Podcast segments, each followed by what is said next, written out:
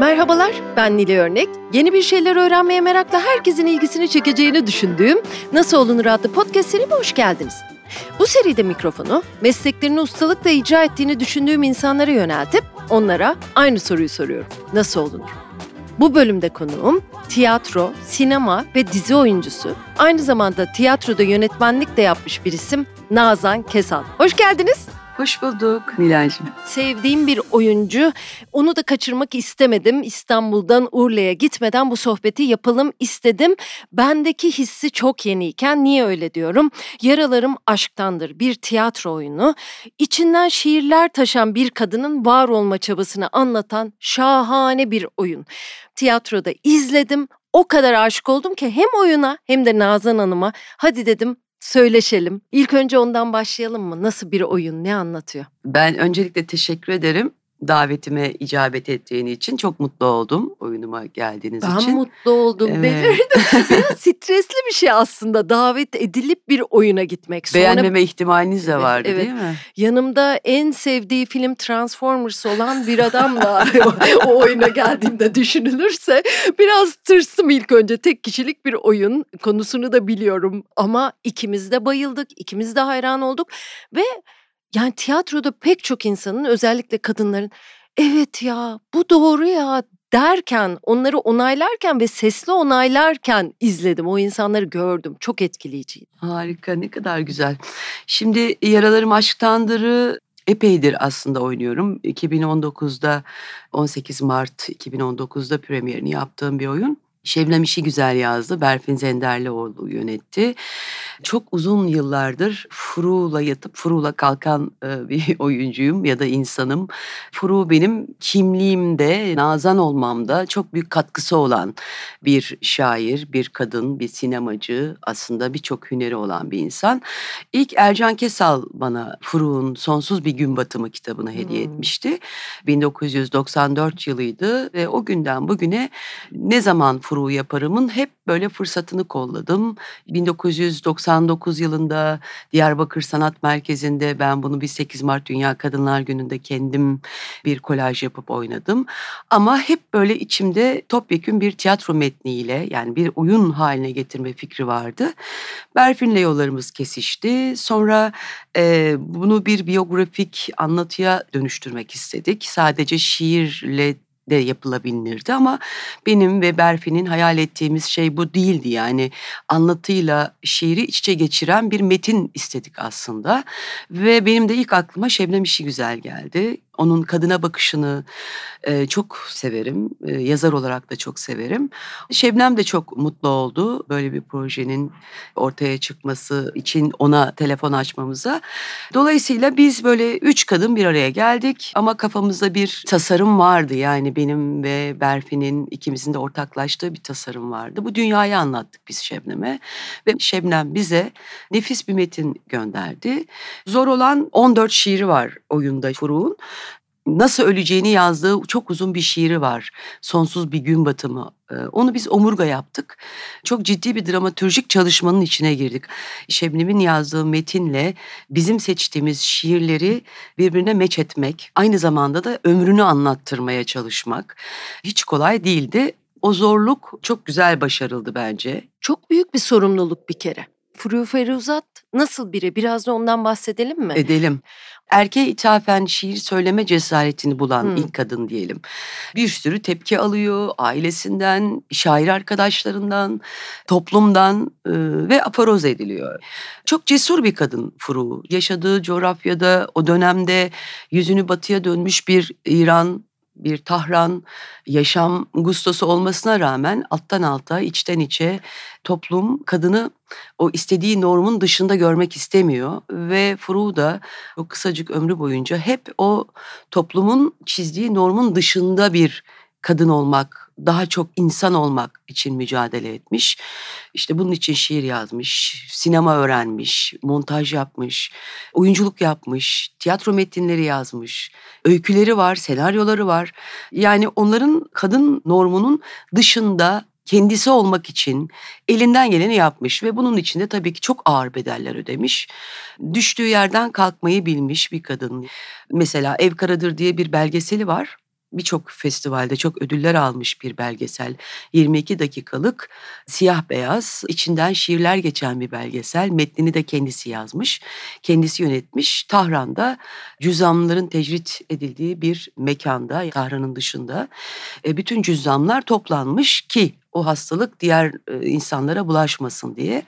Hiç kimsenin gitmeye cesaret edemediği bir eve kamerasını alıp gidip orada onlarla 12 gün yaşayıp onlarla yemek yiyen, uyuyan, uyanan ve ev karadırı ortaya çıkaran ve bittikten sonra da orada Hüseyin adında 6 yaşında bir çocuğu evlat edinen müthiş bir kadın. Çünkü kendi çocuğunu erkeklere ithafen şiir yazdığı için elinden almış bir toplumun üyesi Furu Hüseyin'le beraber hayatının ondan sonrasını devam edebiliyor. Ama 32 yaşında öldüğünde Hüseyin 6 yaşında kendi oğlu Kamyar hiç göstermedikleri oğlu 11 yaşında yani insanın gerçekten içini acıtan, burkan ve öfkelendiren bir ömrü var e, Furuk'un. Çok trajik bir ömür.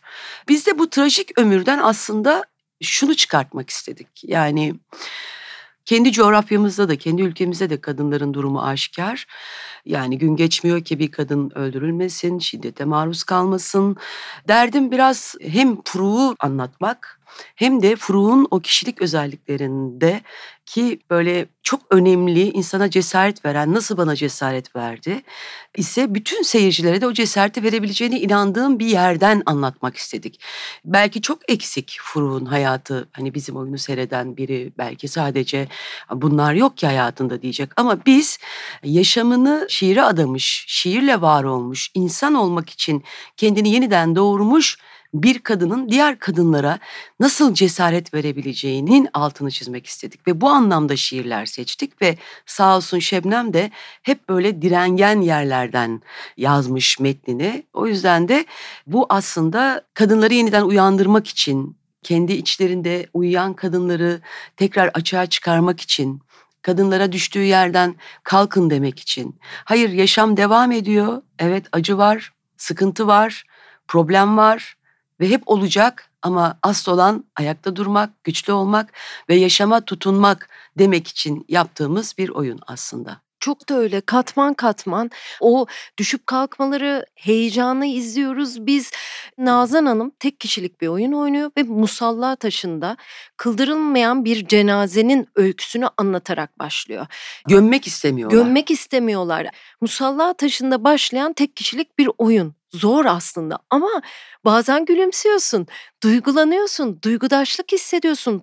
Bize ne kadar benziyor onu görüyorsun. İnsan çok yerde aynı, onu hissediyorsun. Siz sahnedeyken aynı anda gülenler, ya doğru diyor diyenler, bunu seslendirenler çok acayip bir duyguydu. Benim de çok hoşuma gitti. Ondan e, böyle bir girelim istedim. 32 yaşında hayatını kaybetmiş ama o 32 yıla acayip bir hayat sığdırmış. Çok önemli bir kadın. İlginç, çok önemli bir kadın. Size o kitabı Ercan Kesal'ın vermesi de enteresan değil mi? Yıllar önce bir erkeğin bunu okuyup çok beğenip size vermesi, toplum hakkında ne kadar öngörülü onu da görüyoruz. Nasıl iyi anlıyor edebiyattan Ercan şiirden onu evet, da evet. görüyoruz değil mi? Evet evet yani Ercan'ın kendisinin de şiir yazdığı bir dönemde o dönemler ve bana bir kadın olarak bu kadını tanıman lazım hmm. dedi. Benzer coğrafyalarda yaşıyoruz. Dolayısıyla kendi ülkemizde de eril algının kadınları içine düşürdüğü, hapsettiği, bunalttığı, yok etmek için elinden geleni yaptığı bir coğrafyada Furuğun o dizeleri bana gerçekten cesaret verdi. Hmm.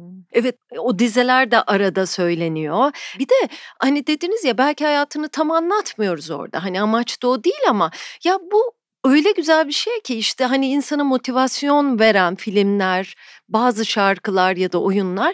Biz çıktık heyecanla. Nazan Hanım'a sesli mesaj bıraktım çok enteresan bir şekilde ve günlerce sonra Freud'un şiirlerini okudum, hayatını Harika. okudum, tekrar o belgeseli izlemek için buldum. O heyecanı veren bir oyun. Bir taraftan da şöyle hemen de konuşalım istedim. Biz Nazan Hanım'la bir süre önce böyle bizim evde bir yemek yemiştik.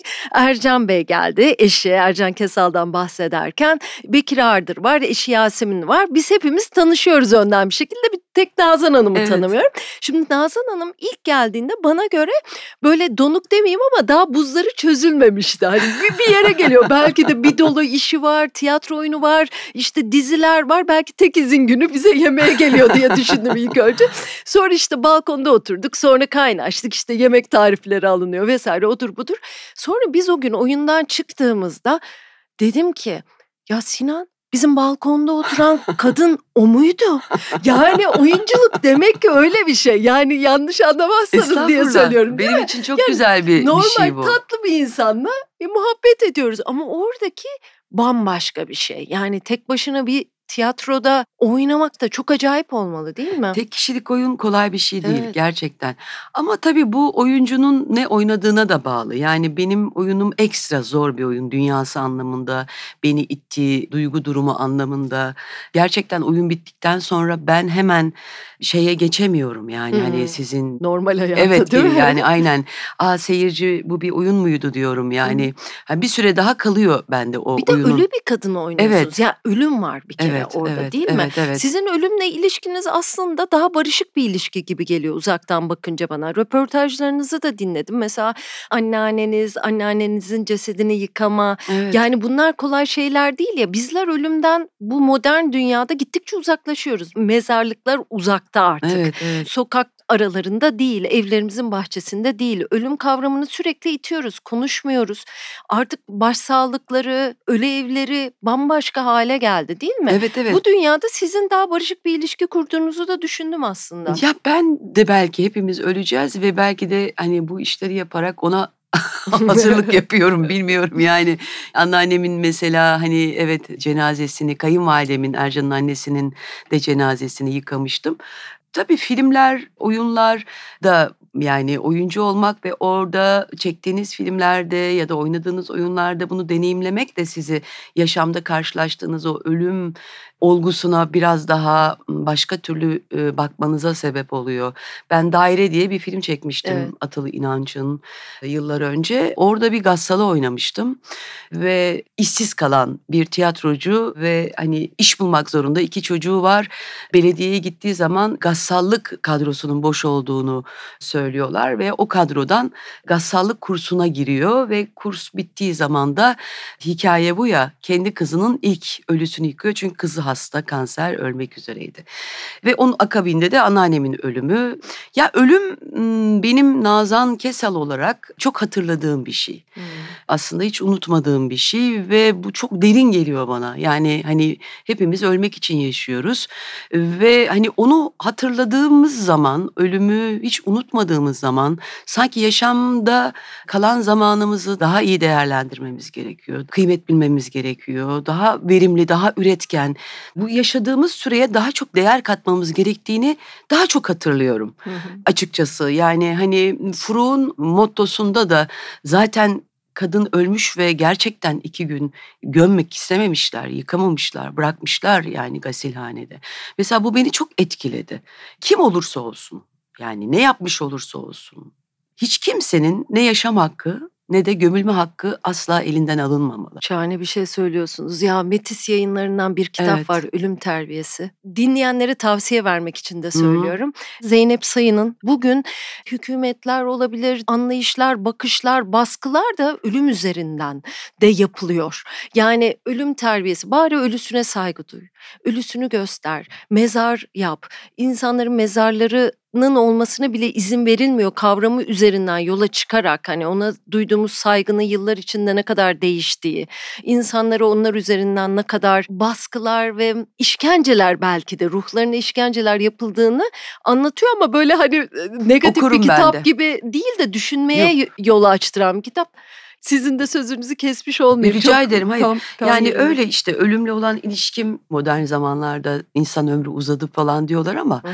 süresel olarak uzamasının çok da bir anlamı yok aslında. Yani işte Prou'dan yola çıkarak 32 yıl yaşamış ama 80 yıl, 100 yıl yaşamış ve hayatta hiçbir şey yapmamış insanlardan çok çok daha değerli bir ömür yaşamış 32 yıl Çünkü Prou- kıymetini Prou'dan. biliyor o yaşamın. İşte evet, O özgürlüğü. Bunu anlatmak istiyorum Hı hı. aslında. Hani biraz kendim de bunu öğrenmek istiyorum hissediyorum bu ölüm kavramıyla e, hemhal olarak. Yaşam çok değerli bir şey, çok mucizevi bir şey hepimiz için, herkes için ve bu mucizevi süreyi nefes aldığımız süre boyunca nasıl değerli hale getirebiliriz ve bu dünyaya ne kadar değer katabiliriz? Aslında herkes değer katmak üzere geliyor bu dünyaya. Ben öyle hissediyorum ya da öyle düşünmek istiyorum. Yani değer katmak üzere geldiğimizi düşündüğümüz zaman bu bizi aslında kötülüklerden de alıkoyan bir şey. Anlatabiliyor muyum? Tabii yani ki. kötülük yapmamızın da önünü alan bir düşünce sistemi.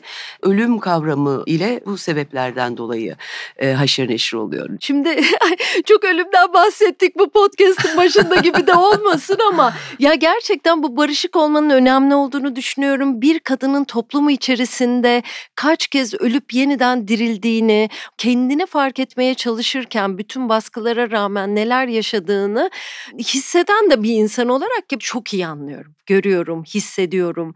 Ee, onun için benim için etkileyici bir oyunda oradan girmek istedim ama sizin şimdi nasıl olunuruza bakarsak.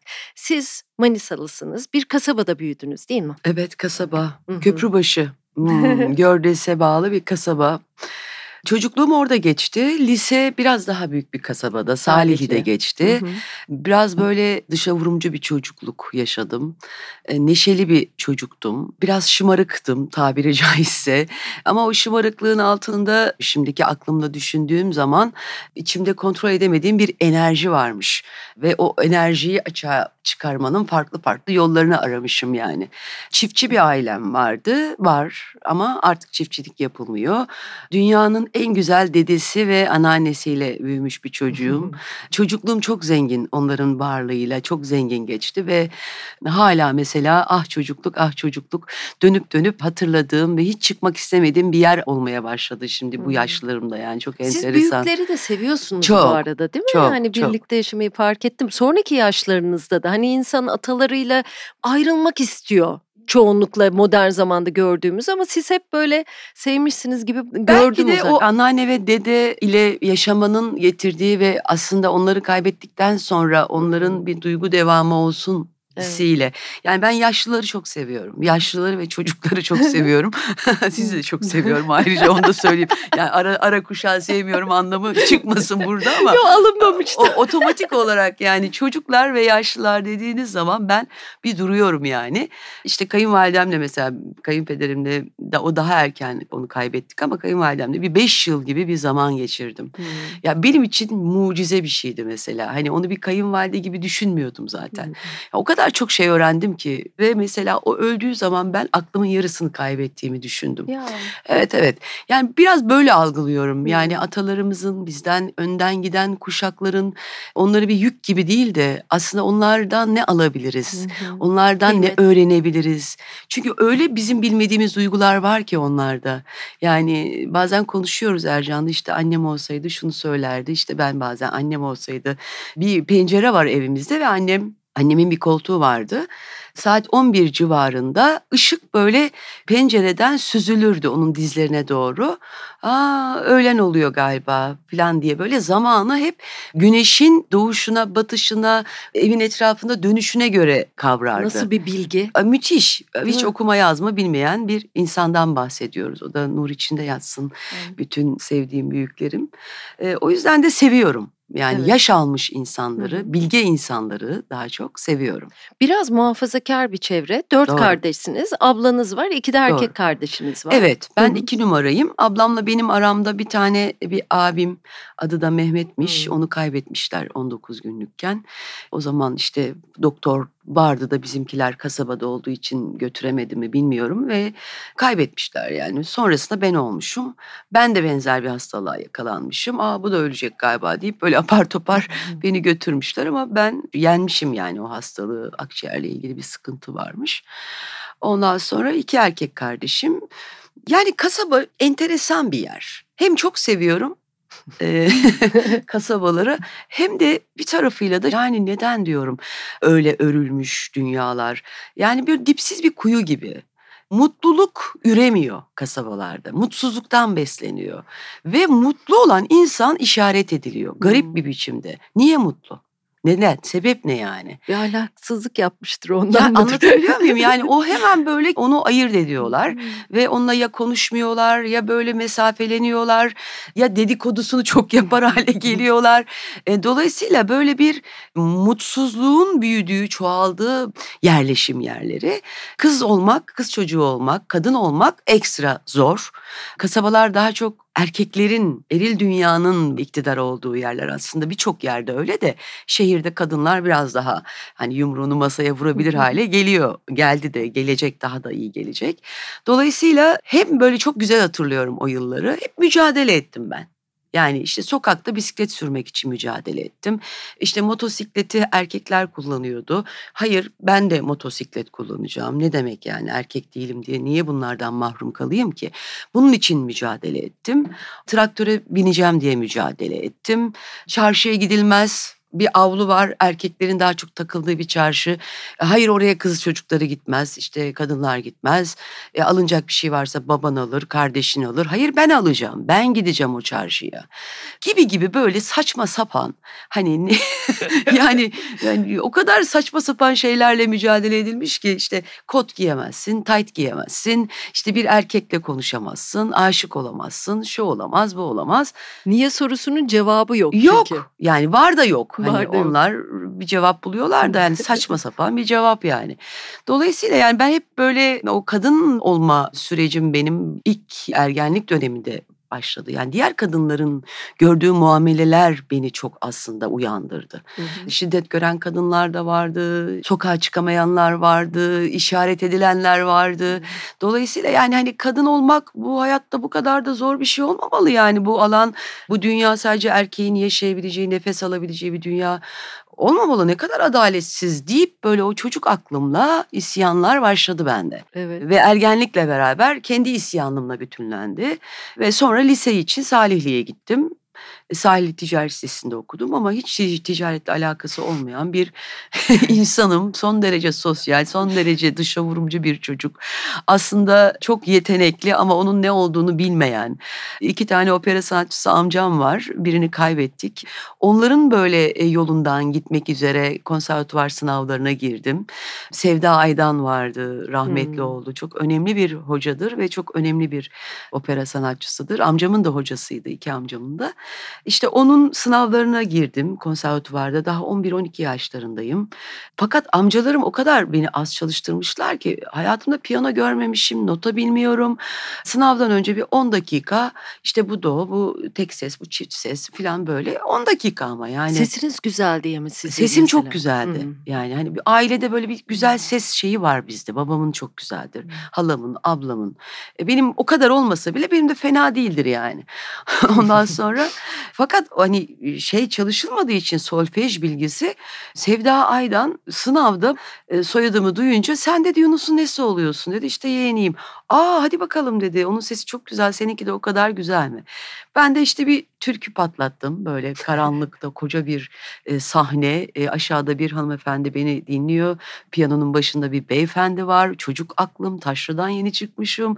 İzmir Devlet Tiyatrosu sahnesi. Ah dedi ne kadar güzel sesin var senin dedi. Hadi bir de kulağına bakalım dedi kulağına. Yani kulak da varsa dedi tamam dedi sen dedi amcanın yolundan gidersin. Ama ben kulak ne bilmiyorum ki. Yani kulak dediği şeyin müzikal terminolojisinin karşılığını bilmiyorum. Kulağımı gösteriyorum. o değil, o değil dedi böyle. Yunus öğretmedi mi sana? Sonra işte seslere basacağız. Ufacık anlattı filan. Fakat ben tek ses, çift ses üçten sonra yapamadım. Seneye dedi sana kulak öğretsin tekrar gel bu sınava dedi. Ama ben tabii seneye gelemedim. Yani hep böyle içimde müzikle ilgili bir şey yapma fikri vardı amcalardan dolayı.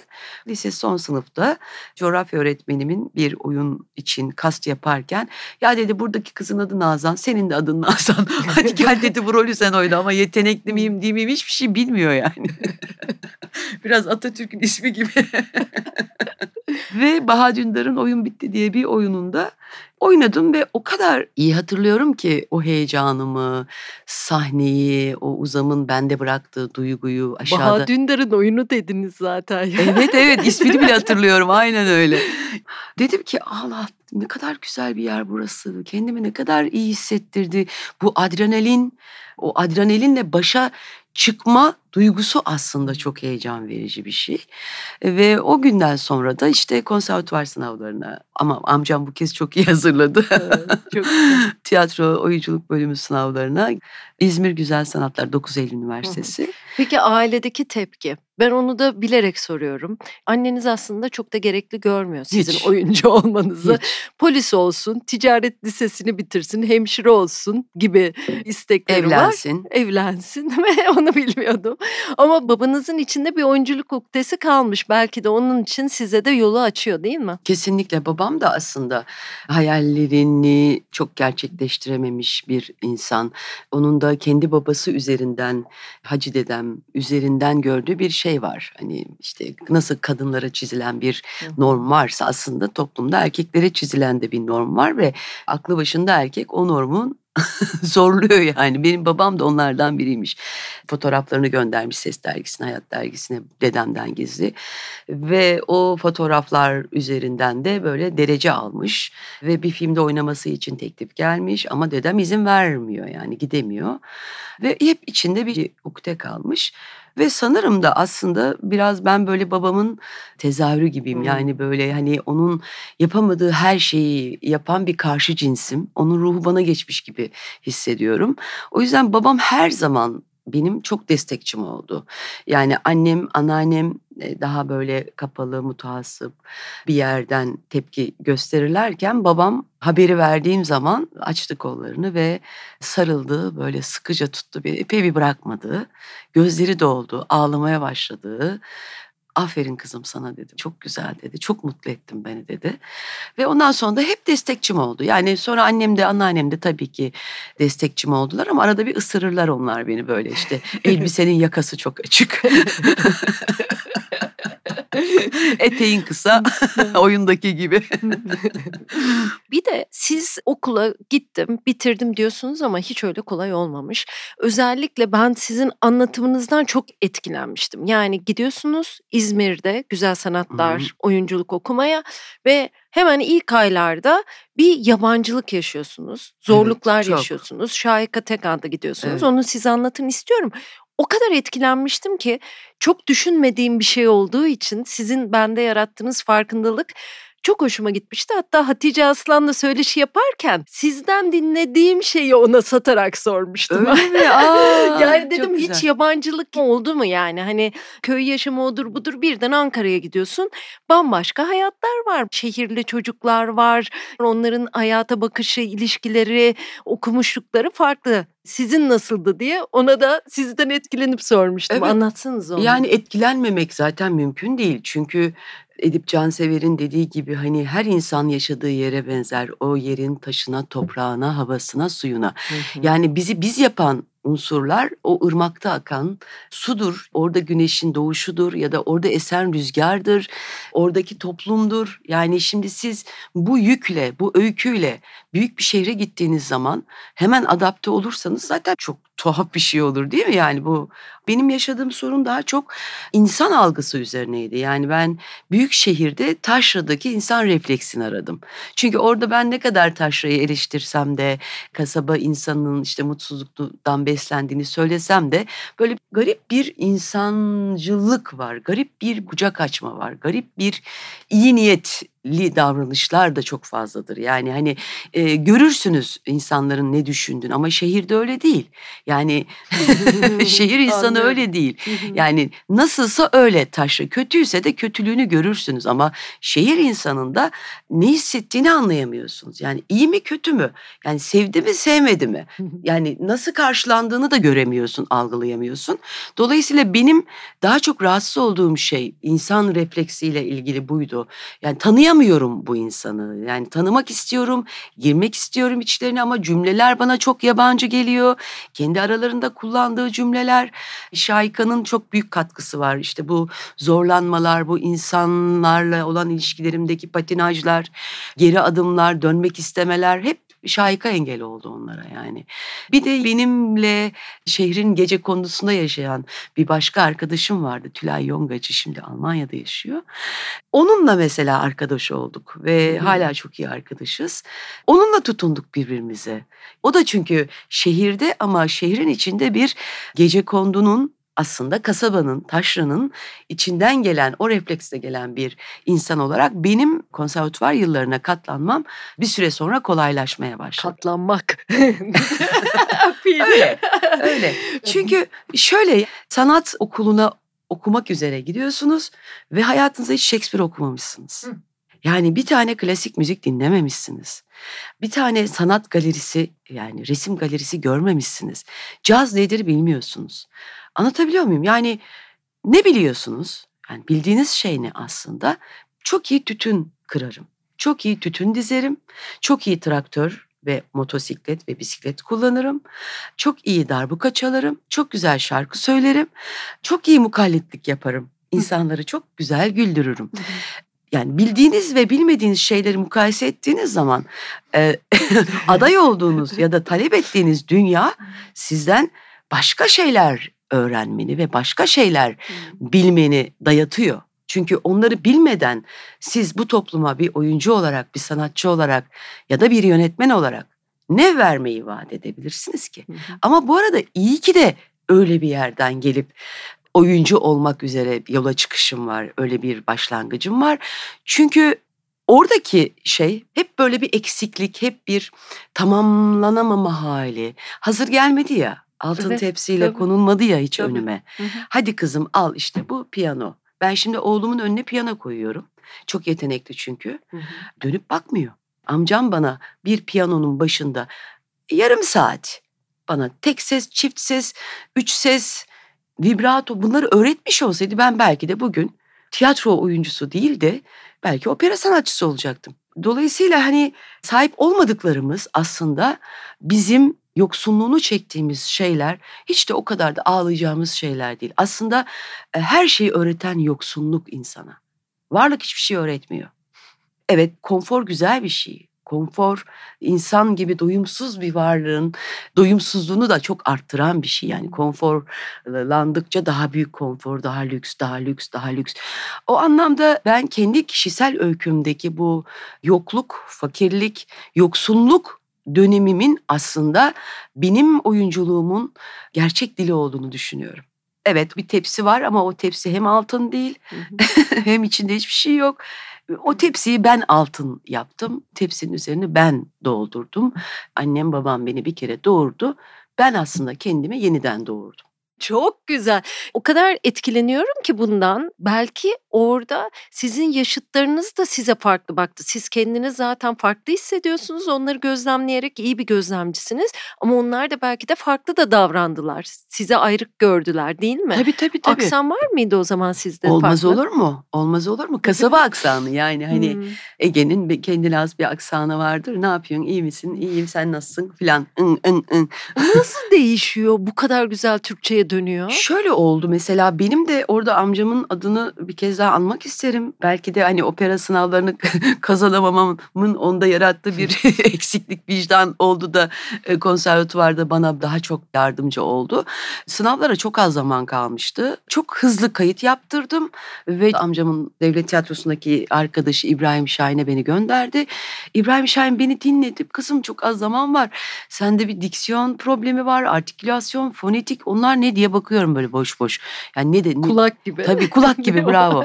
ee, ne diyor acaba diyorum. Şimdi bak, izah etti. İşte Türkçe yazıldığı gibi konuşulmaz. Ee, başka bir konuşma sound'u oturtman lazım. İşte seçtiğimiz parçalar işte şey Çehov'un Vanya dayısındaki Sonya karakteri. İşte nasıl yazılır, ne yapabiliriz? Yaşamak gerek, yaşayacağız Vanya dayı, yaşayacağız. Çok uzun günler, boğucu akşamlar geçireceğiz diye ben ezberlemişim ve böyle oynuyorum. Yani dedi ki böyle bir şey yok yani unut unut unut. Hemen o ünlüler yumuşar, incelir bir şey olur falan filan. Ve nasıl istiyorsam artık o sınavı kazanmayı Belki de yatkınlık da var yani hani muhtemelen var ve çok hızlı bir biçimde benim diksiyonum, fonetiğim yüzde yüz olmasa bile e, değişti ve ben o sınava iyi bir diksiyonla girdim ve kazandım. Ama sadece diksiyon değil tabii yani hani baktıkları şeyler dans, ritmik dans, şan, kulak. Ya, Kulağa yine acayip. bakıldı orada ama artık kulağım vardı. Kulağın ne olduğunu biliyordum. yani o günleri hazırlayacak bir düzenden değil tam tersine engel olacak bir düzenden evet, geliyorsunuz. Evet, evet. Orada var oluyorsunuz ve mezun oluyorsunuz ama ondan sonra da işler kolay olmuyor. İzmir'den İstanbul'a mı gittiniz ilk? Evet çünkü bizden mezun olanlar ya devlet tiyatrosuna giriyordu hı hı. ya da İstanbul'a gidiyordu. Ben devlet tiyatrosuna girmek istemedim. Yani böyle hani İstanbul'du benim en büyük hayalim. Sinema yapmaktı. Daha çok sinema yapmak ve tiyatro yapmaktı. O zaman diziler, özel kanallar falan yok yani böyle bir şey. Bizim dizi satın aldığımız yıllar bu köle izauralar hmm. falan. Şimdi biz dizi satıyoruz dünyaya. Bir film için geldim zaten. Yavuz Özkan'ın bir sonbahar hikayesi. İşte İrfan Tözüm'ün Cazibe Hanım'ın Gündüz Düşleri. Yavuz Turgul'un Gölge Oyunu filmi. Bunların hepsi böyle arka arkaya olunca aa dedim çok güzel. Kafamda böyle bir e, sanat kariyeri hayal etmiştim ve ona nitelikli bir yerden başlamak istemiştim. Yönetmen mi takip ediyorsunuz? Mesela okurken sinemaya da meraklısınız. Çok. Belli yönetmenleriniz mi var mesela Türk sinemasında? Acaba şu kişinin filminde rol alsam Hı-hı. mı diyorsunuz? İzlediğiniz filmlerin sizde bıraktığı demden yola çıkarak sizin de oyuncu olarak içinde olmak istediğiniz filmleri dair bir fikriniz oluşuyor ve hani o filmleri çeken yönetmenler kimler düşünmeye başlıyorsunuz. Onları takip ediyorsunuz. İşte otör sineması, festival filmleri, sinemayı yedinci sanat yapan nitelikli iyi filmlerin oyuncusu olmak istiyorsunuz. İşte o dönemde Yavuz Turgul bu anlamda çok önemliydi benim için onunla çalışmak. Sonrasında işte Zeki, sonrasında Nuri Bilge Ceylan, Tayfun Pirselimoğlu, Atıl, Ahu yani böyle hep çalışmak istediğim insanlarla çalıştım. Onların beni seçmiş olması da bir şans tabii ki benim açımdan. Dolayısıyla yani İstanbul'a sinema filmleri için geldim. Biraz film çektikten sonra özel tiyatro, Gencay Gürün Tiyatrosu, Dilek Türker Tiyatro Ayna.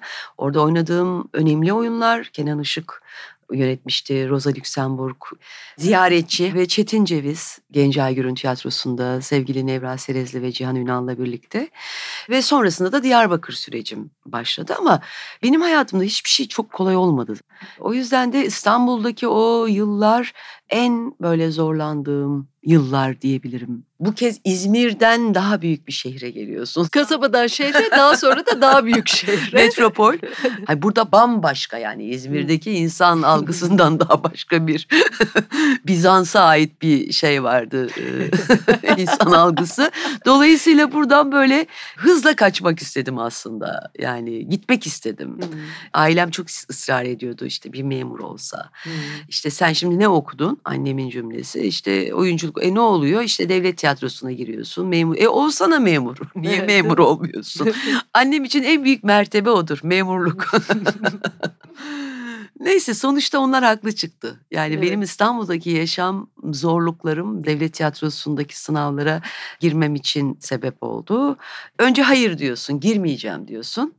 Sonra hadi ailemi kırmayayım deyip 92 yılında sınava giriyorsun ve o sınav 5 bölgeye açılıyor. İçinde Diyarbakır'da var ama ilk defa Antalya yeni bir bölge olarak açılıyor. Niçin Antalya'ya gitmeyeyim diyorum. Deniz var, güneş var. Hiç sıralamaya diğer yerleri yazmıyorum. Direkt Antalya hazır beni bekliyor Antalya çünkü o refleksle yazıyorsun. Ondan sonra sınava giriyorsun. Neden Diyarbakır'ı yazmadın diye soruyorlar sana. Hayır işte Antalya'da yazmışsınız ya seçenek hakkımı kullandım. Antalya'yı istiyorum. Yok biz seni Diyarbakır'a almak. Hayır ben Diyarbakır'a gitmem. Hayır gitmem.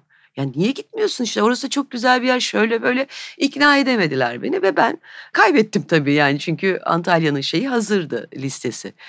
Aradan böyle 3-4 sene geçti. Yaşam Bizans'ta daha zorlanıyor İstanbul'da işte az önce sözünü ettiğim sıkıntılar giderek artmaya başladı.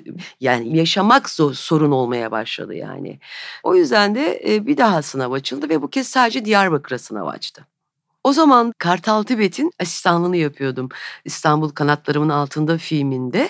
Kartal abi dedim ben sınava gireceğim devlet tiyatrosu sınavlarına. Sadece Diyarbakır'a aç. Hiç girme dedi. Kim bilir kimleri alacaklar. E, giremezsin gibi böyle hani olumsuz bir şey söyledi. Aa, nasıl giremem yani ne demek giremem? Zaten ilkinde gitmemişim.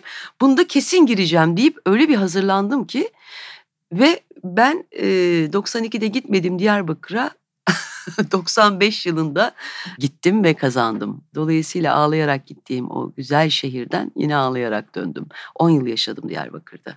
Ve çok sevdiniz değil çok, mi? Çok, çok, hmm. çok. Yani böyle hani doğduğum, büyüdüğüm şehir çok kıymetlidir, memleketim.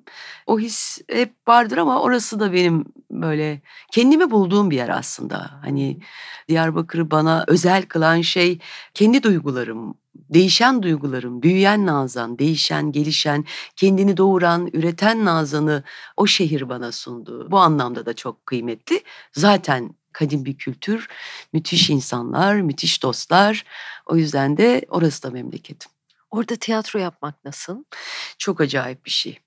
Tabii benim gittiğim yıllar zor yıllardı. Evet. 90'lı yıllar yani Hı-hı. 95'te gittim ben. Gerçekten insanların kültür sanat adı altında sosyalleşebileceği, tüketebileceği çok fazla bir şey yoktu. Bir tek Hı-hı. devlet tiyatrosunun oyunları vardı. E, o yüzden de bir oyunu böyle 20 kere izleyen seyirciler oluyordu. Çoğu zaman benim birçok oyunda karşılaştığım şey Nurhan Karadan rejisiyle Şahmeran oynuyorum. Artık kaç kere seyrettiyse seyirci o oyunu aşağı adam bana sürekli repliklerimi hatırlatıyordu.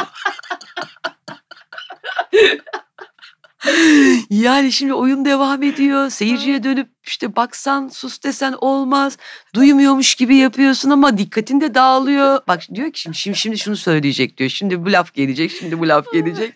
Böyle enteresan, hoş tabii Bizde ki. Bizde Ferhan Şensoy'da oluyordu. Evet. Allah rahmet eylesin. Hani böyle yazsın. insanlar seslenirdi şimdi onu diyecek. ya bu çok önemli ya. Biz bütün Türkiye aynı zannediyoruz ya büyük şehirlerden. Mesela bu podcast'la ilgili de şöyle bir şey olmuştu. İclal Aydın Diyarbakır'a gidiyor. İmza gününe bir kitabı için bir çift geliyor. Diyorlar ki İclal Hanım Nilay Örneği de tanıyorsunuz siz. Ona söylemeniz için biz geldik buraya. Podcast'lerini dinliyoruz biz. Biz öğretmen olarak buraya atandık. Çok fazla etkinlik yok. Biz evde üçüncü, dördüncü kişiymiş gibi o podcastleri Çok dinliyoruz. Güzel. Ve bizim masamıza o insanları getiriyor diye. Tüylerim diken Müthiş. diken oldu değil mi? Tabii, Onun tabii. değerini nasıl daha da iyi biliyor oradaki insanlar değil mi? Tabii Daha tabii tabii. Var. Yani şimdi büyük şehirlerde seçenek çok fazla. Bazen elinizin tersiyle bile itiyorsunuz. Boğazda oturup boğaza bakmamak gibi bir şey. evet. şey. Hani varlık aslında insanın gelişimesine, değişmesine, dönüşmesine e, uygun bir seviye, evet, zemin evet. değil yani. Freud da belki o kadar yokluktan, özgürlük yokluğundan, şiiri söyleme yokluğundan, yazma yokluğundan öyle bir insan tabii, oldu değil tabii. mi? Tabii yani ekonomik anlamda burjuva bir ailenin tabii, kızı evet. Furu ama dediğiniz şeyler özgürlük, kendi olma hali, e, kadın olarak istediklerini yapamama onlar için paradan, lüks hayattan çok daha önemli. Onların e, olmaması hayatında kışkırtmış durumda. Yani biz büyük şehirlerde çok fazla seçeneğin içindeyiz ama dönüp bakmıyoruz. Ama turneye gittiğim zaman benzer şeyleri evet. yaşıyorum ben de oyunda.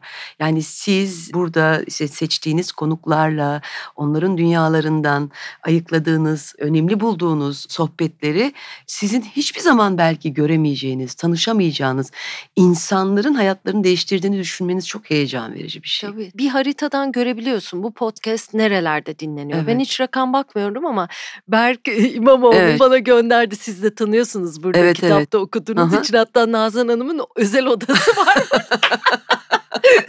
ben de ona adres atıyorum. Benden daha hakim her şey. Ben Ercan'ın kitaplarını okumuştum burada. Yani Peri Gazozunu okumuştum. Evet evet o da enteresan bir deneyimmiş demin konuştuk. Ya evet. yazım aşamasına o kadar hakimim ki okurken garip hissettirdi Çok. beni. Dediniz. Çok evet. çok. İşte Berk İmamoğlu bana bir harita gönderdi. İşte Kuzey ve Güney Kutbu hariç bir de işte Afrika'da bir iki yer hariç her yerde dinleniyor. Çok seviniyorum ben buna. Gurur duyuyorum. Hoşuma gidiyor falan. Ya sonra Diyarbakır'daki Urfa'daki o çiftin söylediği beni daha da çok etkiledi. Anlatabiliyor Tabii, muyum? tabii, yani tabii. şimdi onun için sizinle demin konuştuğunuz duygu durumu, sizin işte ilk kasabadan gidişiniz pek çok insanda bir duygudaşlık yaratıyor o durum. Kesinlikle. E, Ben de onu yaşayabilirim. Yaşadığımda alt edebilirim. Nazan Kesal gibi belki de çok iyi bir oyuncu olabilirim. Biz de bunu gördük sonradan. Yani bu arada o zorluklar derken sizin Bizans'taki yani buradaki yaşamınız ben konuklarımın başka ne işler yaptıklarına da bakmaya başladım. Hmm. Yokluktan çok insan farklı işler yapmış. Mesela siz de daha çocukken ama bu darbuka çalma demin dediniz ya işte hı. Nazan ne yapar? Şarkı söyler, hı. insanları güldürür, darbuka hı, çalar. Ailenizle yaşarken kına gecelerinde hı. yapmışsınız. Hani darbuka çalıyorsunuz. Daha sonra insanlara dans edenlerin, oynayanların taklitlerini yapıp güldürüyorsunuz. O var. Sekreterlik var. Veterinerdeydi galiba Evet, değil mi? Hep evet. tiyatrocusunuz. Evet İstanbul'da o zorlandığım yıllarda Hmm. film yılda bir tane yapıyorsun ve küçücük rol oynuyorsun. Hani orada kazandığın para hayatını döndürmüyor. Aileden de para almak istemiyorsun. Çünkü ailem istemedi yani İstanbul'a gelmemi. Orada da yine bir isyan bayrağını açmıştım gidiyorum diye. Ne olacak? Aileden para almıyorsun. Bir yerden o ev kiranı ödemek zorundasın yani. Bir veteriner kliniğinde sekreterlik yaptım. İşte bilet sattık Harbiye'de, konserlerde. Yani hayatın bir yerinden yakalamak zorundasın. İdeal olan tabii ki tiyatro yaparak para kazanmamdı ama olmuyor diye küsmedim mesela. Kapanmadım. Mutsuz çok olmadım mı? önemli. Oldum tabii ki. Tabii ki. Ama e, bir gün onun olacağı umudu, hissi beni hiçbir zaman terk etmedi. Oraya giden bir yolculuk bu. Yani orada sekreterlik yapmam, orada bilet satmam. O asistanlık da ne kadar güzel bir rol getirmiş size değil mi Evet, daha sonra? evet, Onu evet. da anlatsanıza çok güzel Evet. tevafuk yani tam haklı tesadüf. E şöyle yani orada yürütücü yapımcı benim arkadaşımdı. Yine zor dönemlerimden bir dönemdi yani. Gülüncüm dedim hani ben de oynamak istiyorum filmde. E, Mustafa Altıoklar'ın yönettiği bir film. Okan Bayülgen'in, Ege Aydan'ın oynadığı bir film. Başrolde onlar var. Dedi ki Nazancığım dedi hiç kadın rolü yok. Ekonomik olarak zor durumdayım. Bir şey yapmak zorundayım. O zaman seni büroya alalım dedi. Kartal abinin asistanı olsan dedi. Setle büro arasında bizim irtibatımızı sağla dedi. E tamam dedim. Bir tane rol var ama dedi o rol içinde dedi selebriti bir isim aranıyor dedi. İşte Zuhal Olcay, Sezen Aksu falan. Oo dedim yani ben hiç o zaman ağzımı açmayayım. Film başladı çekilmeye. İşte ben telefon trafiği yapıyorum falan böyle. Ama bir taraftan da böyle ah ah diyorum keşke ben olsaydım. Keşke o rol ben olsaydım. Biraz daha yaşım büyük olsaydı. 25 yaşında falanım Hmm. yani. Artık film bitmeye yakın bir hafta falan kaldı. Cihangir'de de oturuyorum. Böyle yerin üç kat altında bir evim vardı. Akreplerle yaşadığım bir ev. Yani kirası en uygun olan ev orasıydı. Ama şehrin göbeğindeyim falan böyle. Bir gün böyle Gülüm beni aradı. Nazan dedi neredesin? Dedim ofise gideceğim. Şimdi çok net hatırlamıyorum. Sezen Aksu kabul etmişti galiba ve hastalandı. O yüzden dedi hemen dedi sete gelmen lazım dedi. Nasıl ya şaka mı yapıyorsun dedim. Taksi paranı biz vereceğiz dedi. Gel sete dedi. Atladım gittim. Gerçekten de o rol benim oldu. İstanbul kanatlarımın altında. Altında da evet ufacık bir sahne yani ama sahnede kadın Hezarfe'nin böyle dans ettiği bir kadın uç bir aslanın bütün semalar senin olsun. Uç laf da bu kadar. ama dolduruyordu yani kadının mekanındaydı sahne orada geçiyordu. Bir şeyi çok istemek lazım aslında. Bütün mesele bence bu. Yani istediğiniz şeyden tutkuyla vazgeçmediğiniz zaman o oluyor. Ya da Evet. siz o oluyorsunuz. Ya da ne olmasını istiyorsanız o oluyor. Tutku bence yaşamın kendisi. Yani bir yaşam tutkusu illaki olmalı ama yaşam tutkusunun içinde siz insan olarak bu dünyada ne olmak istiyorsunuz? Bunu bir kere kendinize söyledikten sonra bunu iştahlı bir biçimde istemek ve bunu tutkuya dönüştürmek bence çok önemli bir şey. O olmaya giden yolda bunlar yoksa gerçekten hiç şansınız yok. Kendi öğrencilerimden, yakınlarımdan da çok örnek biliyorum. Ben mesela çok zorlanarak hep geldim diyorum ya zorlanarak bir şeyi elde ettim. Gerçekten bence herkesin böyle bir yoldan gitmesi lazım. Bunu bir kez daha söylüyorum. Çünkü kendi öğrencilerimden bildiğim bir şey. Yani o kadar hazırım ve o kadar yanındayım ki aslında o öğrencinin ama istemiyor. Evet. Ama o gerekli tutku yok. O ne istediğini bilmiyor. Öyle bir hayali kurmamış. Siz onun için bir şey hayal etmişsiniz. Siz onun hayali için onu arkadan itiyorsunuz. Olmaz. Gerçekten olmaz. Ee, yine tersi bir örnek. Ercan Kesal. Evet. Yani Ege Tıp Fakültesini bitirmiş. Hı hı. Siyasal bilgilerde okumuş. Ee, babası o dönem anarşi dönemi hayır o devam etmeyeceksin deyip korkudan oğlunu okuldan almış. Diş hekimliğine girmiş. iki sene orada okumuş. Elim büyük bu el hastanın ağzına girmez deyip sevmemiş diş hekimliğini.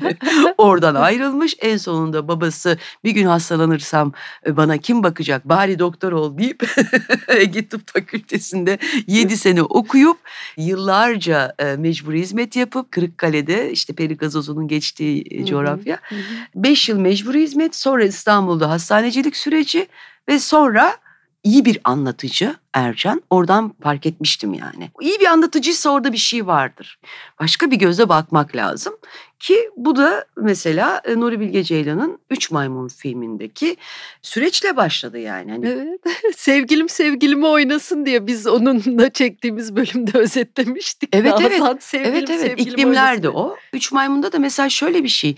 Ercan'ın yazılarını ben biliyorum, şiirlerini biliyorum, okuyorum ve Üç Maymun döneminde Nuri Bilge'nin ve Ebru'nun bir senarist arayışına gidiyor olması ve bunu bana söylüyor olmasının üzerinden ben Ercan da senaryo yazıyor, yazı yazıyor. Aa öyle mi bilmiyorduk bir bakalım deyip senaryo ekibine giriyor olması ve sonrasında da auditionlarda Ercan'ın e, gelen oyunculara audition için yardım etmesi ve Nuri'nin ya bir dakika aslında ben neyi arıyorum işte bu kadar yakınımda duran biri falan deyip oradan oyunculuğa geçiş yapıyor olması.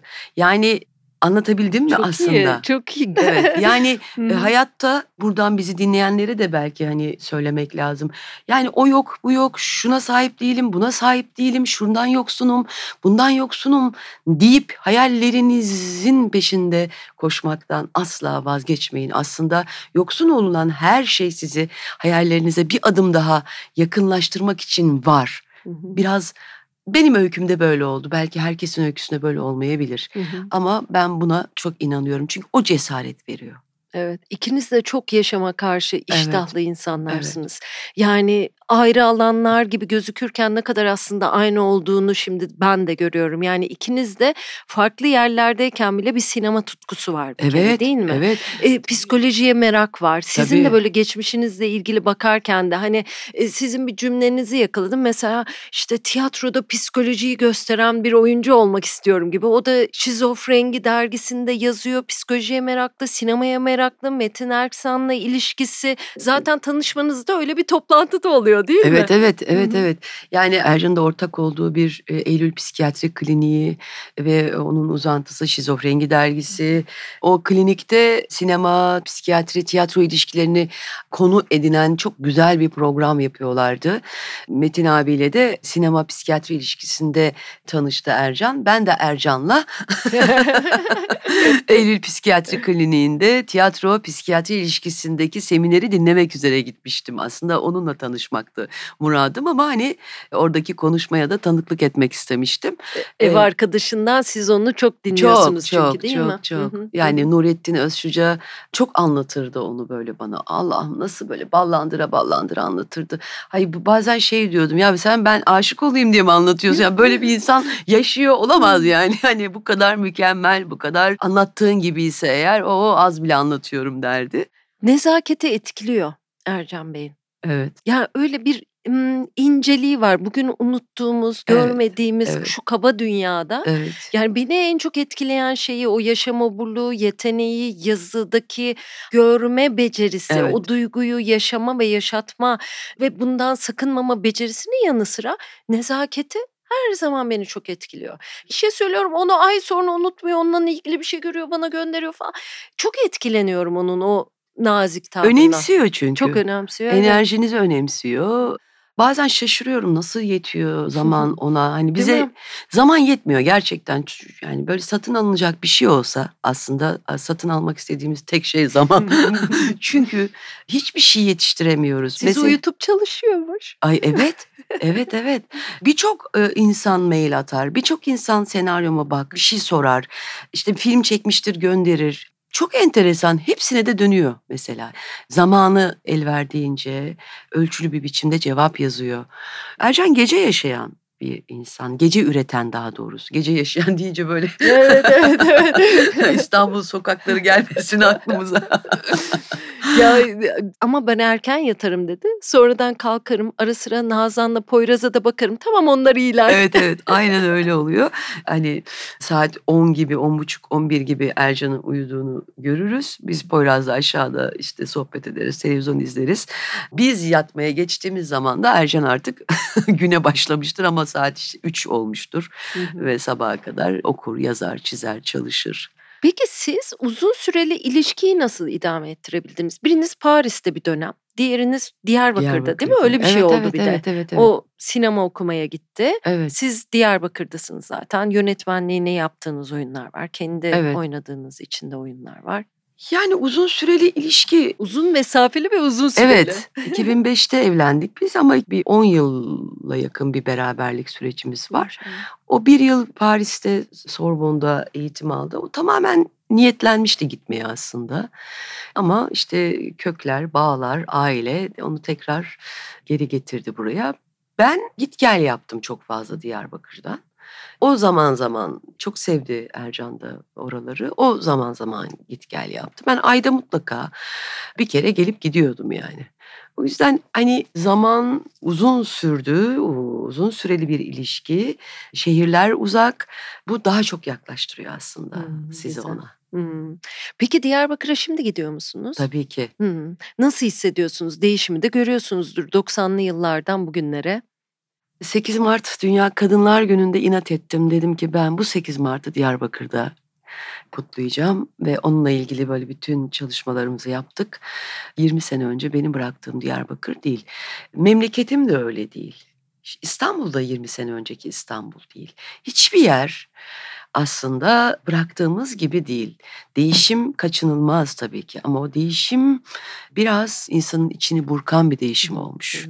Yani e, şehrin dokusuna, kimliğine dair belleğimizde bir Diyarbakır var çünkü belleğimizde bir İstanbul var. Bir süre sonra belleğimizdekiyle yaşamaya başlıyoruz. Çünkü ortaya çıkan betonlaşmanın bir eseri. Betonda takdir edersiniz ki çok bakılası ve çok sevilesi bir şey değil yani. Evet. Siz Urla'ya kaçıyorsunuz artık değil mi? Ercan Bey'le kaçıyordunuz. Şimdi Poyraz basketbolcu olmaktan vazgeçti. İstanbul'da bir oyuncu mu olmak Ya Poyraz'ın şimdi e, ergenlik dönemi ve gerçekten e, 16 yaş zor bir dönem yaşıyoruz. Böyle fikirler değişiyor, kararsızlıklar. Urla'ya gittik evet iki yıl orada kaldık ama Poyraz sevemedi Urla'yı. Tekrar İstanbul'a dönüş yaptık ama evimiz duruyor. Orası artık bizim işte yaz kış gidip arada bir kalabileceğimiz bir yer haline gelecek. Poyraz burada İstanbul'da belki oyuncu olacak. Hı hı. Belki müzisyen olacak ama basketbolcu olmayacak. Ee, o konudaki inadı ve tutkusu azaldı. Şimdi Urla'da yeni bir mekan açıyoruz böyle Urla Dam. Buradan da ilk defa söylemiş olayım. Hadi söyleyelim evet. Çok da güzel gördüm bir takım videolarını, görsellerini. Ama Ercan Bey bir delilik içindeymiş gibi geliyor ama siz anlatınca da çok güzel geldi bana. İçinde çünkü sanat var. Evet. Ya aslında hiç böyle bir şey açmak için gitmedik tabii ki Urla'ya. Yani İstanbul'da bizim bardak taştı artık. İstanbul'a Evet. katlanma oranımız çok düştü.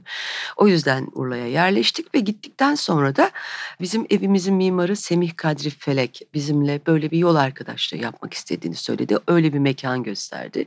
İşte daha küçük bir şey hayal ederken inşaat başladı ve büyüdükçe büyüdü, büyüdükçe büyüdü. Şimdi 550 kişilik bir amfiteyatro. Evet delilik dediğim o zor 200 işler. kişilik kapalı bir tiyatro, atölyeler, 11 odası olan bir butik otel, restoran, ortada bir tane avlusu. Hani olur ya böyle köylerin ortasında bir çeşme. Hı hı. Önümüzdeki aylarda açılacak. Ben işte oynayacağım. Tiyatrolar, konserler, atölyeler yani sanatta dair ne varsa birbiriyle bağlayıp ilişkilendirip tek bir mekanda seyirciyle buluşturmaya çalışacağız. Şahane. Ben de heyecanlandım açıkçası yani. Şimdi ben biraz saymaya çalıştım. 23 televizyon dizisi ben saydım. Eksik de olabilir. 22 tiyatro oyunu, 3 tiyatro oyununu da yönetmiş. 25 sinema filmi pek çok da ödül var ve uluslararası ödüller var. Bunlar festival ödülleri, çok değerli ödüller.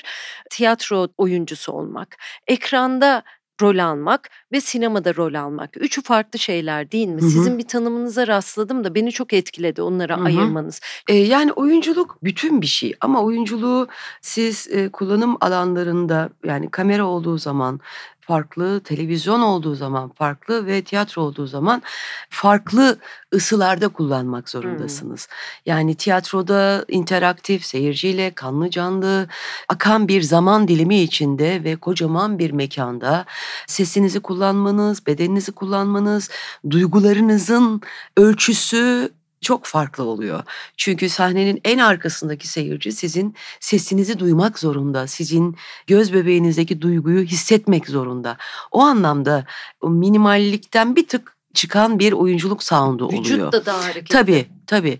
Sinemada yönetmene bağlı ve filmin türüne bağlı oyunculuk anlayışı değişebilir. Yani hani yönetmenin istediği oyunculuk e, bağımsız bir film yapıyorsanız ya da bir festival filmi ya da bir gişe filmi ama sonuçta kameranın istediği bir oyunculuk normu var. Çünkü o kamera çok hareketi, çok gösteren şeyi sevmez oyuncuda. Hmm. Ee, daha çok saklayanı sever. Saklayan, duyguyu saklayanı duygusunu çıkarmayı sever ve kamera daha çok gözü sever. Gözdeki duyguyu çok güzel alır ve e, onu seyirciye servis eder. Televizyonda da çok hızlı çekildiği için diziler ve çok uzun sürelere yayıldığı için iki buçuk üç saate yakın insanlara dizi izletiyorsunuz ve zamanla yarışıyorsunuz. Ee, ben kendi adıma çok önemsiyorum televizyon seyircisini sinema kadar tiyatro kadar önemsiyorum. Çünkü yetiştirdiğimizi de düşünüyorum. Öyle ayrıca da bir sorumluluk hissediyorum televizyon seyircisine karşı. Evet belki risk almıyor belki evde oturduğu yerden çekirdeğini çitleterek Hmm. çayını içerek ayağını uzatmış konforuyla bizi seyrediyor ama hani o konfora biraz sanat bulaştırmayı seviyorum. Televizyon bana göre sinema kadar, tiyatro kadar özen gösterilmesi gereken bir alan. Hani öyle çok güzel kız, yakışıklı erkek olup da arıza endam edilecek bir yer değil yani. Hmm, Çünkü güzel. seyirci bunu bence hak ediyor. Onlara karşı da sorumluluğumuz olduğunu düşünüyorum. Öğrendiğimiz yeteneğimiz doğrultusunda oyunculuk kariyerimizin bize verdiği güçle, cesaretle oynadığımız rolleri seyirciye çok iyi bir yerden vermemiz lazım. Hak ettiği bir yerden vermemiz lazım ve onun da dönüşeceğini ve değişeceğini umarak vermemiz lazım. Yani televizyon benim kendi adıma söylüyorum. Kendimi sürekli seyirciye hatırlattığım bir yer değil. Hatta ben unutmayı ve unutturmayı da seven bir oyuncuyum. Sevdiğim tarafı şu televizyon seyircisini değiştirdiğimi düşünüyorum onları da. Tıpkı tiyatrodaki gibi dönüştürdüğümü düşünüyorum.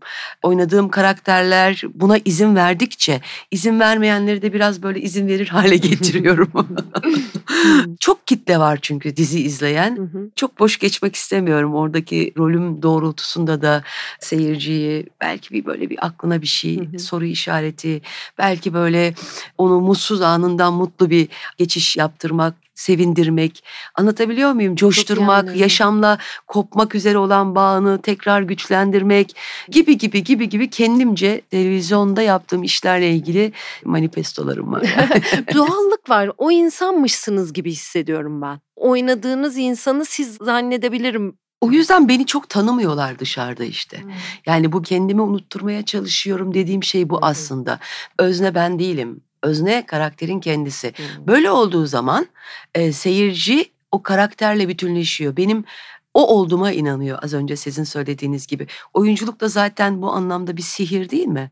Bir de sevdiğiniz insanlar değil belki o rolün Ya tabii tabii eleştirdiğiniz tabii Çok tabii. eleştirdiğiniz. Yani ben mesela Fazilet'te o kadar çok kızıyordum ki Fazilet karakterine. Hı hı. Hiç alakası yoktu yani benim Hani hayata Dünya bakışımla hiç hiç hiç alakası yoktu. Ama sınıfsal bir yerden oynadım mesela onu. Yani alt sınıfın refleksiyle oynadım. işçi sınıfının refleksiyle oynadım. O refleksle oynadığınız zaman işi daha sınıfsal bir yerden kavradığınız zaman seyircinin derdine çare olmasanız bile ortak dertte olan bir seyirci sizin bir hareketinizle, bir bakışınızla ya da bir cümlenizle hayata daha katlanılır bir yerden bakıyor. Anlatabiliyor muyum? Tabii ki tabii. Yani ben kendimi servis etmek için oyunculuk yapmıyorum. tamamen aklına, fikrine karşı olduğunuz birini oynamak. Onunla çok özdeşleşmek. Korkutucu da bir şey. Benim için korkutucu mesela. Bir şey var, e, Nuri Bilge söylemişti bu cümleyi. Hani o geçişleri yapmak bu cümleden dolayı bana kolay geliyor. Yaşamda e, hepimizin bir rolü var. Yani Shakespeare'in o ünlü cümlesi var ya, e, bütün dünya bir oyun sahnesidir ve her birimiz oyuncularız. E, Nuri Bilge şey demişti, ya hayatta kendi rolünü iyi oynayamayan insanlar sinemada çok iyi olmuyor gibi böyle İlk önce kendini biraz iyi tanımak. yani yaşamda bizim kendi kapladığımız alanda yani siz Nilay olarak, ben Nazan olarak, işte Berk olarak, Ercan olarak o kapladığımız alandaki rollerimizi çok iyi oynadığımız zaman aslında diğer şeyleri de çok iyi yapar hale gelebiliyoruz. Hmm, çok Yani güzel. oyunculukta ben böyle bakıyorum. Yani hani ben zaten hayatta çok böyle mücadele etmeyi seven, hayata tırnaklarını geçirmiş, tırnaklarını kanatmış ve kanatmayı bile isteye yapan bir insan olarak diğer rollere geçişler benim için çok açıkçası zor olmuyor. Yani gidiyorum misafir oluyorum diyorum Hmm. mesela. Yani kendi kalbimi bir süre böyle askıya alıyorum. İşte faziletin kalbiyle yaşıyorum bir süre. Bir süre sevdayla yaşıyorum. Bir süre kayıp şehirdeki Meryem'in kalbini misafir ediyorum kendi bedenime. Onları anlamaya, dert ortağı olmaya çalışıyorum. Diziler yayından kalktıktan sonra da hadi bakalım bir vedalaşalım deyip böyle bir geçiş yapıyorum. Hmm. Hani artistik bir yerden bakmıyorum ben e, oyunculuk meselesine. Artistik gibi bir dursa da hani Peki güzel görünme hissi insanda var ya yani nasıl görünüyorum hissi.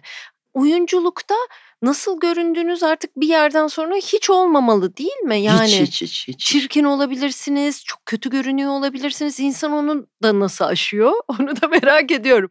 Ben şunu düşünüyorum. Eğer bir insan kendi suretini başkalarının gözünde arıyorsa sıkıntılı bir şey evet o. evet. Çok şaşırıyorum Evet, yorum evet, yapılınca. Görüyorum oyunculara da yapılıyor. Evet. Ay işte e, yok alnının ortasına bilmem ne yaptırsaydı bilmem ne. O kadar çok işte kiloları Şimdi Konu ben, oluyor. bana da geliyor tabii bunlar. Hı. Mesela geçen hafta bir post paylaşmıştım. İşte oğlum dizisi bitiyor.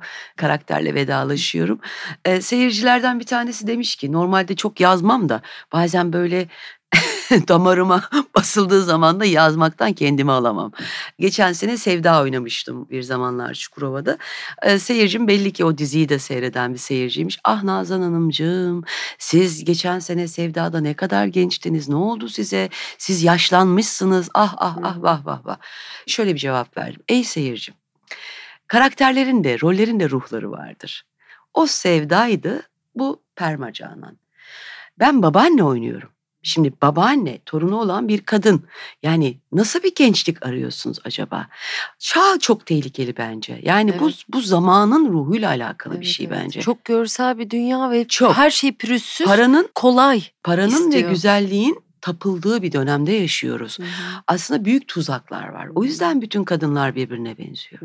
Ya da benzemeye çalışıyor. Hı hı. Dudakları şiş, gözler çekik. Ses de öyledir ya imza gibidir, parmak damgası gibidir. İsimler de öyledir, burun öyledir, göz öyledir. Herkes birinin gözüne benzetmeye çalışıyor gözünü. Dudağını birinin dudağına benzetmeye. Yani aslında çok acayip bir dönemden geçiyoruz.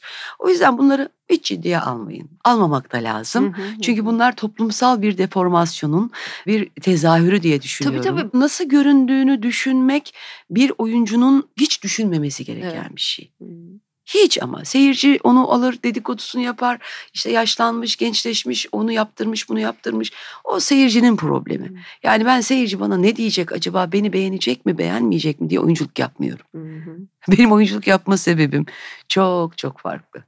Peki sizin unutamadığınız sinema filmleri televizyon dizileri ve tiyatro oyunları. Özellikle televizyon anlamında soruyorum. Benim Çünkü oynadıklarım Onlar, evet mi? evet onlar çünkü yayından kalkabiliyor da. Tabii tabii. Mesela Kayıp Şehir yayından kalkan dizilerden biriydi.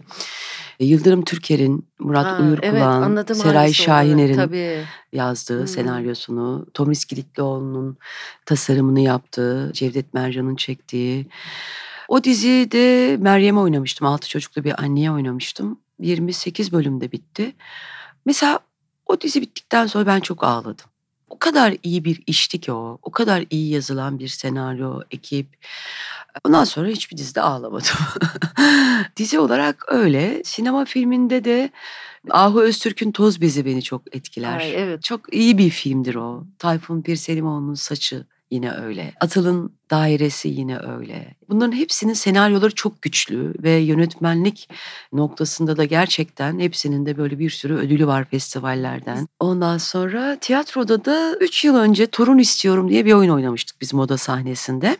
Sevgili Kemal'in e, yönetmenliğinde Alman bir e, yazarın e, oyunu. Eşcinsel bir oğlunuz vardı evet, değil siz mi seyrettiniz mi tiyatroda? yoksa onu? Hayır hayır ama onu da biliyorum. Arkadaşlarım geldi onu dinlemiştim ben. Çok güzel bir diyaloğunuzu da sonra seyrettim. Yani oradan bir parçayı izledim. O Çok oyunu güzelmiş. izlemeniz lazım Nilay'cığım. Yani o oyunu, o oyun çok zor bir oyundu bu arada. Yani neyi özlediğimi şimdi kendime şaşırıyorum. Yani iki saat boyunca hiç susmayan bir kadını oynuyordum ben.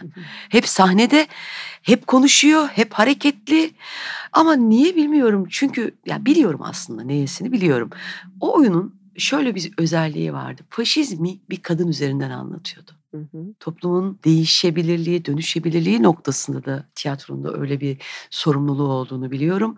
Ve o yüzden de zaten iki sene oynayabildi oyun yani. Hani Bir de oradaki keşke devam faşizm etseydi. uzaktan anladığım kadarıyla hani böyle sadece hükümetlerin bastırması değil, bütün toplumun, çağın, reklamların değil Her mi? türlü, tabii, evet, tabii, tabii, de- tabii. her türlü bir baskıya karşı o, o çok güzel bir oyunmuş. Hatta kaçırdım o için de üzüldüm. evet. Müthiş, müthiş Parçalarını, yani. Reklam diliyle göreceğim. yazılmış bir Hı. oyun. Evet. Çağımızın dili aslında reklam dili.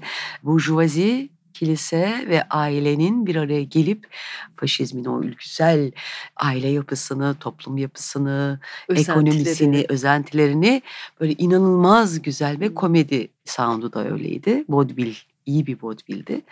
Onu çok özlüyorum. O kadını oynamayı çok özlüyorum yani.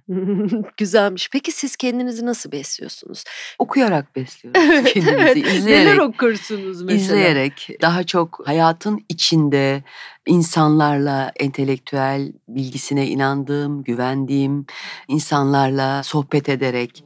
Mesela benim şimdi üniversite yıllarımda hani böyle bir açık ara vardı ya geldiğim yerle Hı hı, şehir hı. arasında böyle bir orada şeyi hatırladım. Benim bütün arkadaşlarım o alışmaya başladıktan sonra politik insanlardı ve çok entelektüel insanlardı. Yazarlar, şairler ve onların bana böyle çok hızlandırılmış bir biçimde önüme attığı kitaplar, Gorki'nin anası, işte Gül'ünün solduğu akşam, o 4-5 yıllık e, üniversite hayatımda o arkadaş, yani çünkü onlara yetişmek istiyorum, onların konuştuğu dili anlamak istiyorum, onlarla aramdaki uçurumun daralmasını istiyorum.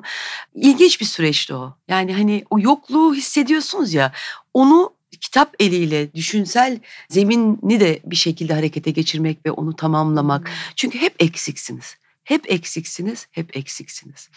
Yani hayata zaten hani bir sıfır yenik başlamışsınız. O anlamda da o eksiklik duygusu benim çok işime yarayan bir duygu.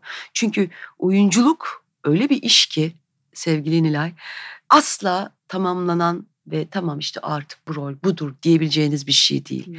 Onun daha iyisi de var. Daha iyisi de olabilir. Mesleki bir şey aslında. Asla tamamlanmayacağını bildiğiniz bir iş yapıyorsunuz. O yüzden de izlemek, sohbet etmek seçtiğim insanlarla, Ercan'la tabii evde daha çok. ya nasıl o, besleyici. o da benim çok fazla aslında çok etkileyen bir insan benim hayatımda. Hani Furu diyorum ama belki de gizli başrol o yani. yani öyle izlemek, okumak. Yemek Takip. yapıyorsunuz, seviyorsunuz diye düşünüyorum değil mi?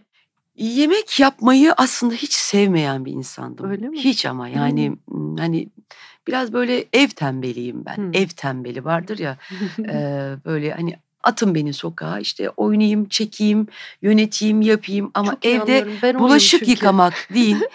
Artık benim için nasıl zor bir iş oluyor o bardağın yıkanma hali ya da o evin süpürülmesi. Yıllarca destekçim vardı, yardımcım vardı. Artık Poyraz da büyüdü ve ona da daha az ihtiyaç duymaya başladım. Ama işte yine de böyle sevmiyorum ya. o, o, o işleri yapmayı. Yemekle ilgili böyle bir merakım başladı. Ekmek yapmaya başladım. Dışarıdan ekmek almak istemiyorum artık. Çünkü gerçekten çok zehirli her şey. Her şey yani. Sağlıklı bir şey kalmadı aslında. Dedim ki ben bunu kendim yapacağım. Yani siyez unuyla, kavulcayla ekmek yapıyorum. İşte yaş maya aldırıyorum Ercan'a. Mayayı üretemiyorum. Her gün beslemek lazım. Bir Tabii, organizma tabii. çünkü o. O bir olay. E, tamam bunca işimin arasında bir sen eksiktin diyorum.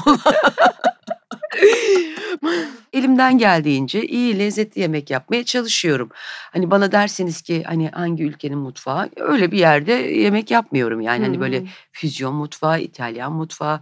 Henüz kafayı oraya takmadım. Şu anda ekmekteyim ben. Ama iyi nohut yaparım, kuru fasulye yaparım, pilav yaparım. O geleneksel yemeklerin hepsini Ha, yapıyorum. Şahane. Peki klasik sorumu size soracağım. Nasıl olunur? Yaşamayı sevmek lazım önce, her şeyden önce. Yaşamla aramızda bir bağ, gerçek bir bağ kurmak lazım. O bağın üzerinden siz bu hayatta kendinizi ne yaparak, ne yaparken görmek istiyorsunuz? Ne yaparken bu hayatın size ayrılan zaman dinamiğini bitirmek istiyorsunuz? Çünkü bir ömür dediğin şey aslında çok uzunmuş gibi görünse de gerçekten çok kısa bir şey. Evet. Çok kısa bir şey. Geride yük bıraktığınızda anladığınız bir şey ömür aslında. Aa bu kadarcık mıydı bir süre sonra? Aa bir dakika bu kadarcık mıydı dediğiniz bir şeyi yapmayı, neyi yapmayı seviyorsanız onunla geçirmek lazım. O yüzden de yapmayı sevdiğiniz şey sizi o yapıyor. O. Ne o? O sihirli bir şey. O Evet. tırnak içinde o. Onu bulmak bence en büyük başarı. Yani ne olmak istediğini bulan insanlar bence bu hayatta ne olmak istediğini bilen ve hayatı bunun için organize eden ve buna bir de tutku ekleyen insanlar bence çok şanslı insanlar. Bu hayat için de şanslı, kendileri için de şanslı. Çünkü bilmiyorsa, körse, perde varsa hiçbir güç onu açamıyor. Yani önce kendisinin bunu fark etmesi ve oradaki bütün taşları ayağının tersiyle şöyle sağa sola sağa sola sağa sola savurması lazım. Ama yani yola çıkmak için de bir neden lazım. O neden yoksa hiçbir şey olamazsınız. Çok güzel. Peki Türkiye'de birlikte nasıl daha iyi yaşarız? Empati kurarak kendimizi bir başkasının e, yerine koyduğumuzda onu daha iyi anlayabiliyoruz çünkü. Bu da iletişim demek. Karşımızdaki insanın hangi dindense, hangi inançtansa, hangi dildense, ülkedense bunun hiçbir önemi yok. Onun bu yeryüzü sofrasında bizim bir kardeşimiz olduğunu unutmayalım. Kardeş olduğumuz hissi anlaşalım anlaşmayalım içimizde taşımadığımız sürece herkes için öteki taraf yok olmaya mahkum. Sadece bir kesimin bu dünyada yaşaması mümkün değil ki. Eğer öyle olsaydı doğa bu kadar renkli olmazdı. Aklımız bize iyi insan olmayı hatırlatsın sürekli. Ama ne yazık ki akıl çok tehlikeli bir şey. Yani insanoğlu aklı iyi insan olmak üzere kurmuyor. Çünkü aslında insanın doğası kötü süt emmiş. Ercan'ın öyle bir hikayesi var. İyi süt, kötü süt. İnsan niye yaşar? Sofistike sorularmış gibi dursa da bu sorular bulduğumuz cevaplar ömrümüzü nasıl geçireceğimizi bize söylüyor. Yani aklımızı ve vicdanımızı kaybetmeden bu dünyanın çok büyük bir sofra olduğunu ve o sofrada herkesin dizine bir yer olduğunu yani benim dizime hiç sevmediğim bir insanın dizi de değebilir. Sadece yemek yiyeceğim ama orada yani. Hani onu düşmanca duygularla büyütmenin, yok etmeyi, hedeflemenin, öldürmenin yani bunlar gerçekten e, tırnak içinde günah. Günah yani. Annemin ve anneannemin diliyle de söylüyorum günah. En büyük günah bunlar. Ötekileştirmek, yok etmek, özgürlükleri ellerinden almak, dünyalarını daraltmak, kadınlara ikinci sınıf insan muamelesi göstermek. Yani nasıl ya? Dünya bir. Adaletsizlik. Büyük bir adaletsizlik aradığı tabii huzur. ki. Evet. O yüzden de o kardeşlik hissini bir yerimizde böyle bir hissetmemiz lazım. Hı hı. Poyraz bana 7 yaşlarındayken falan bu kadar tartışmadığımız dönemlerde ergen değilken yani söylediği bir cümle. Hep anneciğim canım bir tanem falan böyle hani çocuğunuz olunca böyle ne yapacağınızı şaşırıyorsunuz özellikle ilk dönemlerde. Bir gün Bodrum'dayız böyle bir yerde yemek yiyoruz. Annem sen benim neyimsin diye sormuştum ona. Ben senin emanetinim demişti bana. 7 yaşlarında falan. Hadi canım. Ben böyle bir süre durdum. Cümle kuramadım böyle şaşkınlıktan. Nasıl yani? Böyle bir cümle 7 yaşında bir çocuk. Ben senin emanetinim. Tamam bizim çocuğumuz özelinde belki ihtimal kurabilir de hani çocuk aklı yani. Hani o hesap aslında hepimiz birbirimize emanetiz. Çok güzelmiş. Peki nasıl bitirelim? Şiirle bitirelim. Hadi şiirle Furu'la bitirelim. başladık. Furu'nun bir şiiriyle bitirelim. Şahane. Sonsuz bir gün batımı. Gece mi gündüz mü? Hayır dostum. Sonsuz bir gün batımı. İki güvercinin rüzgarda geçişiyle iki beyaz tabut gibi. Ve bir takım gürültüler uzakta, o tuhaf bozkırda. Belirsiz, başıboş anıların dolaşması gibi. Bir şey söylemeli. Bir şey söylemeli. Yüreğim birleşmek istiyor karanlıkla. Bir şey söylemeli. Ya çok güzel söylediniz. Şahane şahane. Çok teşekkür ederim Nazan Hanım. Şiirle bitmesi de çok güzel oldu. Furu'dan olması daha da güzel oldu. Sağ olun. Çok teşekkür ederim Nilay'cığım.